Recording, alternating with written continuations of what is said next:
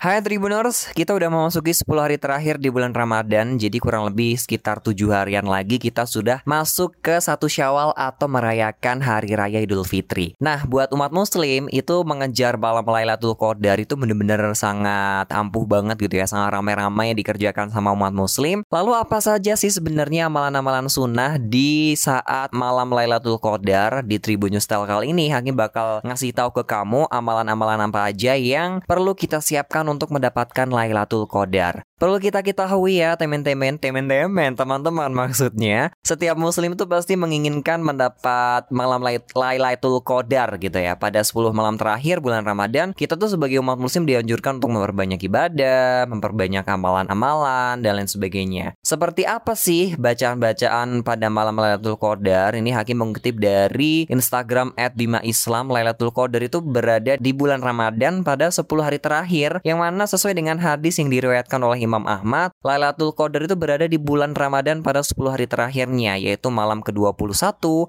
atau ke 23 atau 25 atau bahkan 27 atau ke 29 atau akhir malam Ramadan. Barang siapa yang sholat malam karena iman dan mengharap pahala, maka diampuni dosa-dosanya yang telah lampau dan dosa yang di kemudian hari. Oleh karena itu di 10 hari terakhir sebagai umat muslim kita harus memperbanyak amalan-amalan dan juga ibadah-ibadah. Ini Hakim mau kasih tahu kamu dulu ya, doa malam Lailatul Qadar itu berbunyi Allahumma innaka afuhun karim tuhibul afa fa'fu anna. Yang artinya ya Allah sesungguhnya engkau zat yang maha pengampun lagi maha pemurah. Senang pada ampunan maka ampunilah kami wahai zat yang maha pemurah. Ini doa yang bisa kita ucapkan saat menggapai atau beribadah di setiap malam-malam ganjil di 10 hari terakhir bulan Ramadan. Dan ada beberapa amalan-amalan sunnah yang bisa kita lakukan di malam Lailatul Qadar. Yang pertama itu adalah melakukan sholat atau melaksanakan sholat nih ya teman-teman. Dalam pencarian malam Lailatul Qadar itu kita sebagai seorang muslim dianjurkan untuk memperbanyak sholat malam. Kayak sholat tarawih, sholat taubah, sholat tasbih, sholat tahajud, sholat hajat hingga sholat witir.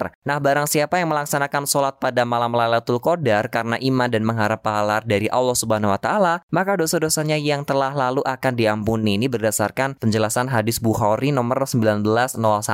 Dari hadis itu juga kita mengetahui kalau melaksanakan sholat pada pada malam Lailatul Qadar itu bisa memperoleh pahala dan ampunan yang sungguh berlimpah. Selain melaksanakan sholat, kita juga dianjurkan untuk membaca Al-Quran. Ya namanya saja bulan Ramadan ya, bulan diturunkannya Al-Quran. Kita harus memperbanyak diri membaca Al-Quran. Dan salah satu ibadahnya itu emang di malam-malam terakhir bulan Ramadan itu membaca Al-Quran. Termasuk saat kita ingin menggapai malam Lailatul Qadar. Kemudian itikaf. Itikaf ini adalah amalan Lailatul Qadar yang bisa dilakukan setiap malam. Itikaf ini adalah berdiam diri di dalam masjid dengan syarat tertentu dan niat beribadah semata-mata hanya untuk Allah Subhanahu wa taala. Ini adalah momen di mana umat muslim itu bisa lebih mendekatkan diri kepada Allah Subhanahu wa taala serta bermuhasabah atau introspeksi diri terhadap perbuatan yang dilakukan selama ini. Kemudian yang keempat ada bersolawat itu di malam Lailatul Qadar 10 hari terakhir kita diminta atau disunahkan untuk perbanyak solawat kepada Rasul kita, Nabi kita Nabi Muhammad Shallallahu Alaihi Wasallam dan yang terakhir itu kita diminta untuk bertawaf taubat. Jadi malam Lailatul Qadar tuh juga dapat diisi dengan muasabah diri, refleksi diri, merenungkan segala kesalahan serta ibadah yang sudah dilakukan. Dan di 10 hari terakhir bulan Ramadan tuh juga jadi kesempatan yang baik buat kita semua untuk memperbaiki diri nih teman-teman. Kita diminta untuk memohon ampunan kepada Allah Subhanahu wa taala yang dengan sungguh-sungguh dan perbanyak taubat untuk menjadi pribadi yang lebih baik lagi di masa datang. Nah, ini tadi 5 keutamaan atau 5 amalan-amalan sunnah yang bisa kita lakukan saat 10 hari terakhir di bulan Ramadan dan ada doanya juga juga. Semoga bermanfaat. Selamat memperkuat ibadah kita dan sampai jumpa di lain kesempatan.